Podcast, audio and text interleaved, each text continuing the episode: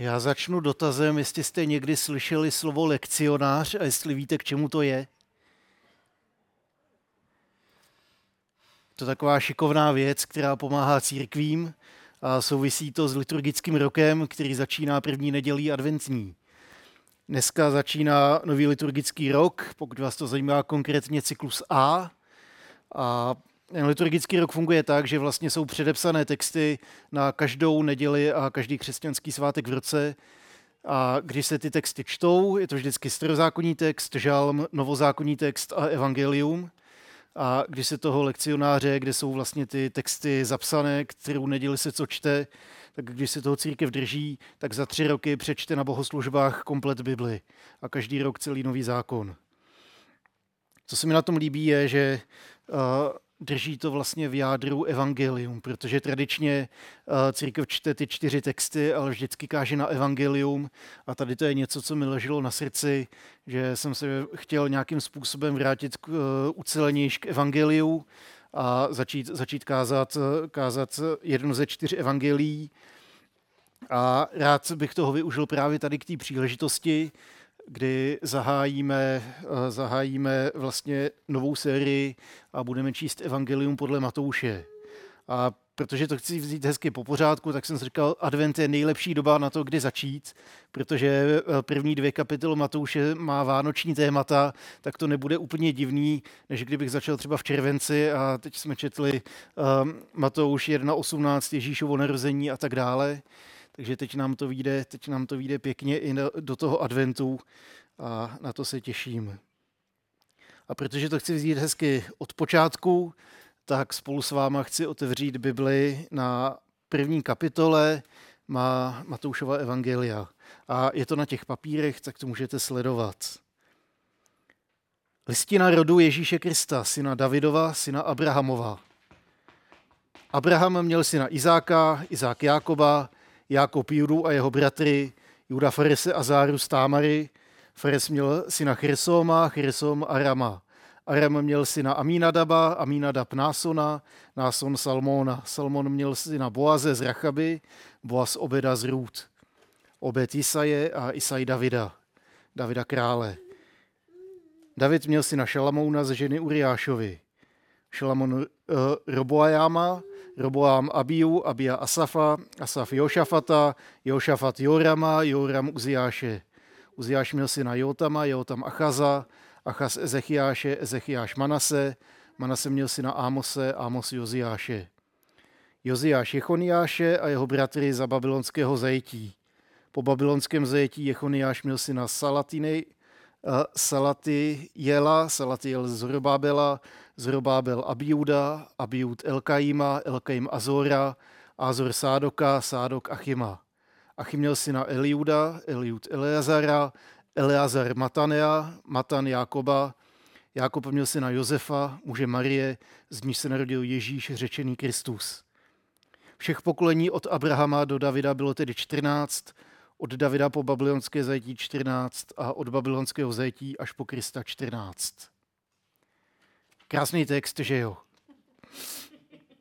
Milujeme rodokmeny. Matoušovo evangelium je jedno z nejstarších svědectví o životě, smrti a vzkříšení Ježíše Krista. Autor je neznámý, ale tradičně se to spojuje s výběrčím daním Matoušem, jedním z 12 apoštolů. Evangelium bylo napsáno někdy kolem roku 80 v syrské Antiochii a ta byla důležitým křesťanským centrem starověku. Matouš to evangelium napsal, protože ukazuje Ježíše jako mesiáše z rodu Davidova, jako nového Mojžíše a jako Boha, který je tu s námi.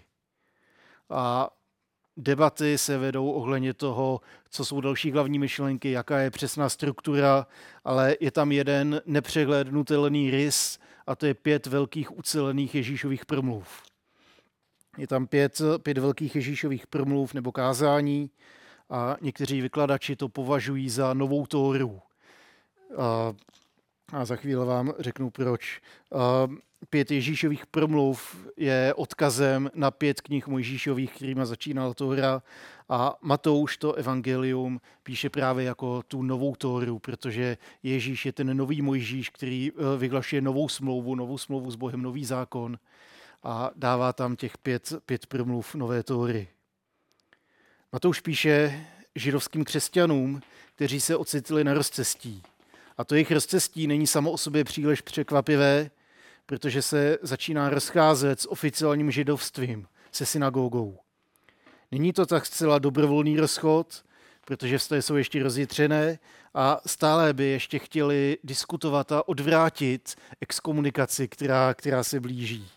Jako trapné nedorozumění, který se přece musí vysvětlit.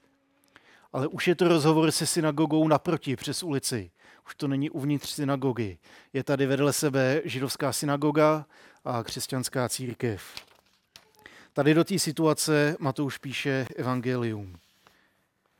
A to začíná tím velikým Ježíšovým rodokmenem, který je ohraničený prvním veršem jako nadpisem a sedmnáctým veršem jako schrnutím.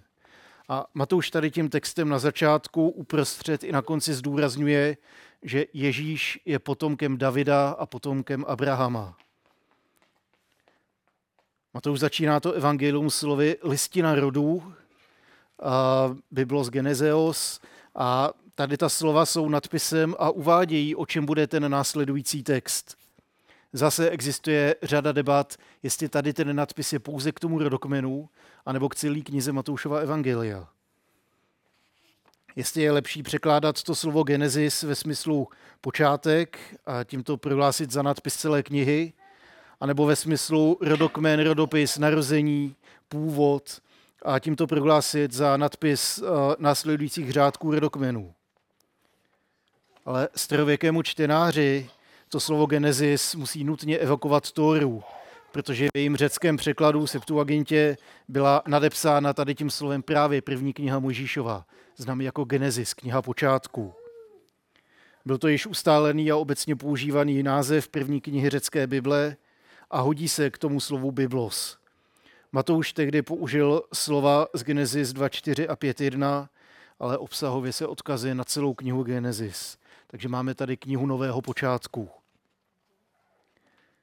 Je to kniha zrození Ježíše Krista, syna Davidova, syna Abrahamova.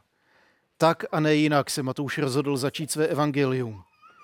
Kniha Geneze, kniha zrození Ježíše Krista, syna Abrahamova, syna Davidova. Ježíš se tu totiž neocitl jen tak z ničeho nic. Je synem praotce Abrahama, kterému Bůh slíbil, že v jeho semeni budou požehnány všechny národy země. Je synem krále Davida, jemuž Bůh slíbil, že v jeho semeni požehná jeho království a to bude pevné a jeho trůn se nezakymácí. A Matouš věří, že Bůh svým slibům dostal a splnil je právě v Ježíši, synu Abrahamovu, synu Davidovu, dítěti Izraele a dítěti královském. Matouš je přesvědčen, že všechno, co věčný zamýšlel s dlouhým řetězem pokolení, dospělo ke královskému vyvrcholení v Ježíši z Nazaretu. Proto tu Ježíš není sám za sebe, ale stojí v dlouhé tradici a kdo chce oné tradici rozumět, ať začne na počátku, u knihy počátku, u knihy Geneze. Ta největší část toho textu je věnovaná rodokmenu. A není to jen tak obyčejný rodokmen. Je neobyčejný hned z několika důvodů. Je tady rodokmen, který je deklarován jako Ježíšův, ale přitom není Ježíšův, protože končí Josefem a Ježíš není Josefův syn. Rodokmén je značně specifický žánr a pro nás jako moderní eh, čtenáře to většinou znamená seznam nic neříkajících jmen. Je to dlouhé, je to nudné, sem tam se myhne nějaké povědomé jméno. Odborník na genealogie možná najde něco zajímavého, ale většinou to nikoho jiného nezaujme. Rodokmen pro nás začne být zajímavý až v okamžiku, kdy mezi svými předky hledáme někoho slavného, někoho urozeného, anebo když mezi svými předky hledáme nějaký zajímavý restituční nárok.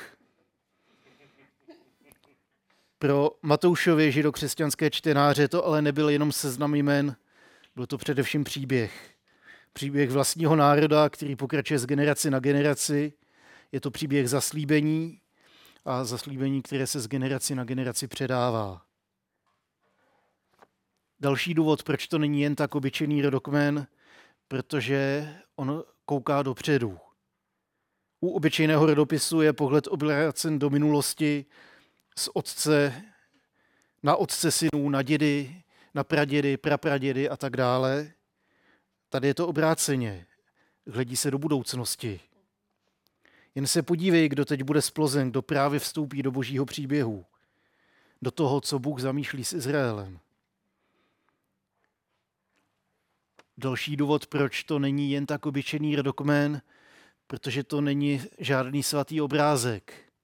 Jsou tam lidi, předkové, který bychom nejradši třeba vynechali občas. Každá rodina má nějakou černou ovci. Jsou v něm hrdinové i zloduši, obyčejní lidé v neobyčejném božím příběhu. Jsou tam králové dobří i zlí, oslavovaní i ti, na které bychom raději zapomněli. A také jsou tam ženy, které bychom tam vůbec nečekali. Je jich tam celkem pět. Matouš si navíc tady v tom úvodu dává záležet, aby hned třikrát zaznělo pro Žida důležité svědectví, že Ježíš je nejenom potomkem Davidovým, ale také potomkem Abrahamovým. Abraham i David jsou totiž nositeli zaslíbení, které přesahují jejich vlastní generaci. Abraham dostal zaslíbení, které se týká mnoha, mnoha generací po něm. To samé král David. A protože v židovské tradici je Abraham považován za otce, uh, otce proselitů, to znamená těch, kdo se stávají součástí židovského národa, tak s jeho jménem uh, pravděpodobně bylo připraveno další klíčové téma Matoušova evangelia. Totiž obrat spásy od Izraele k pohanům. A tady ta univerzalistická tendence je v rodokmenu podpořena uvedením čtyř osob, a to jsou právě ženy. Ruth, Rachab, žena Uriášova, která a tady ty ženy raná židovská tradice považovala za nežidovky. Najednou tady máme potomka Abrahamova, najednou tady máme ženy nežidovského původu, a vidíme, jak boží příběh zahrnuje postupně víc a víc. Co mají ty ženy společného? A proč zrovna tady ty? Já myslím, že jsou to skandály, ve kterých se Bůh oslavil a to, co bylo považováno za nemožné, tak učinil realitou. Pokud to bereme jako svatý rodokmen Ježíšův, pokud vůbec připustíme myšlenku, že by se tam mohla objevit žena pro starověkého člověka skandál, už jenom tady to, tak bychom spíš čekali nějakou hrdinku víry. Sáru, Rebeku. Matoušův výběr žen je ale mnohem zajímavější. Všechny jsou svědkyně víry a všechny jsou vzorem. Právě díky jim a díky jejich odvaze pokračuje příběh zaslíbení. Zároveň ve všech těchto případech jsou cesty víry poněkud nekonvenční a pro běžnou morálku pohoršlivé. Támar se musí vydávat za nevěstku, aby splodila dítě z poklení Judova. Rachab se za nic vydávat nemusí, protože nevěstkou je. Cizinka Ruc musí vlézt pravověrnému Boazovi až do postele, aby se stala dcerou izraelskou. Příběh Davida a Uriášovy ženy snad ani netřeba komentovat. A přece právě ona splodí budoucího krále Šalamouna. A tady v té společnosti je Marie vystavena jen situaci svobodné matky, kterou si Josef chystá poté jí propustit, aby ten skandál nebyl ještě větší.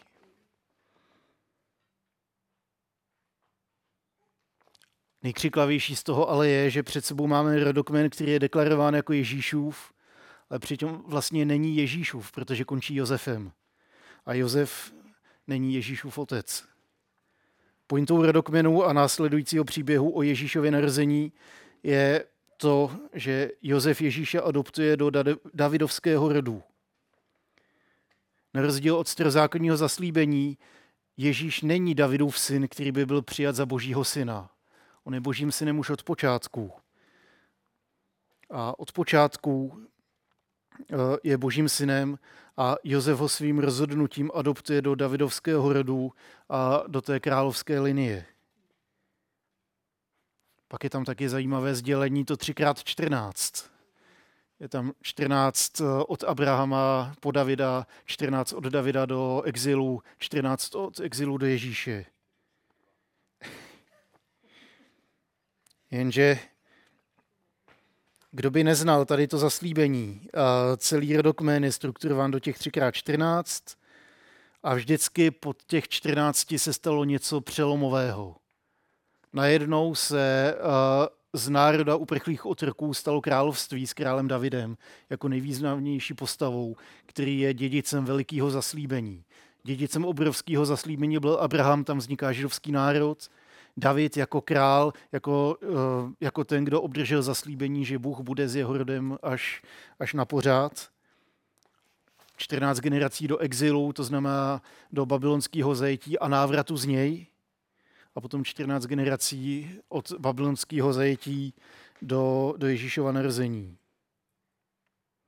Co si z toho vzít? Věřím, že je to naděje, která pramení z božího milosrdenství, který se projevuje v konkrétních příbězích konkrétních lidí.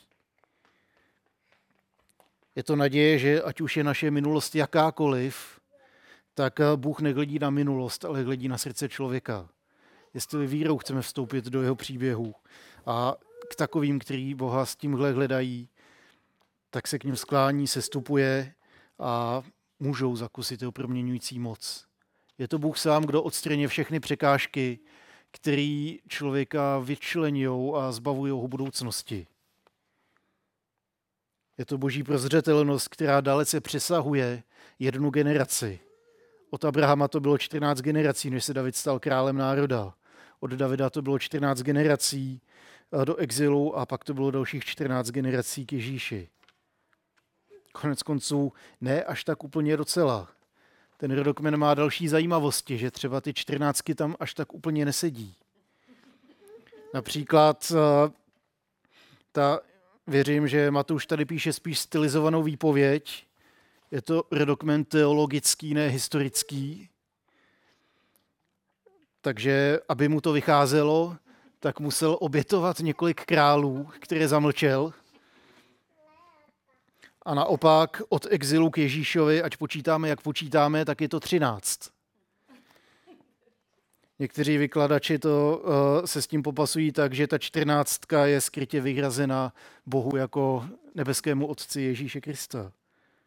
Pro Matouš je totiž důležitější než historický záznam je předat poselství o Mesiáši Ježíši. Matouš nám dává dokument teologický, nikoli majetkoprávní anebo historický. Také nám připomíná, že Ježíš je synem praotce Abrahama, kterému Bůh slíbil, že v jeho potomstvu bude požehnaná celá země. Že synem krále Davida, kterému Bůh slíbil, že jeho potomstvu požehná, jeho království bude pevné a jeho trůn se nezakymácí. A myslím si, že tady to je dobrý začátek první neděle adventní. Se zapnutou první svíčkou adventního věnce si připomínáme příběh naděje v Bohu, která se v Ježíši sklání až k nám. Připomínáme si mocného Boha, skutečného krále králů, který nemožné obrací v realitu. Protože upřímně z lidského pohledu je spoustu věcí nemožných. Jak v tom rodokmenu, tak i když se zamyslíme nad Ježíšovým eh, příběhem narození a adventem jako takovým. Z lidského pohledu je naprosto nemožné, a to si, to si budeme říkat hlavně příště, že pana počine a otěhotní.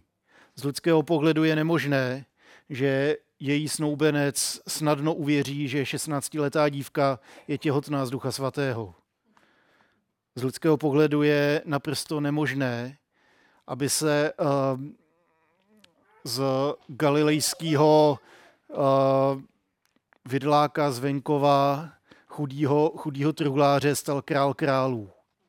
Z lidského pohledu je nemožný, aby mrtvý tělo začalo dýchat a vstalo ho z mrtvých.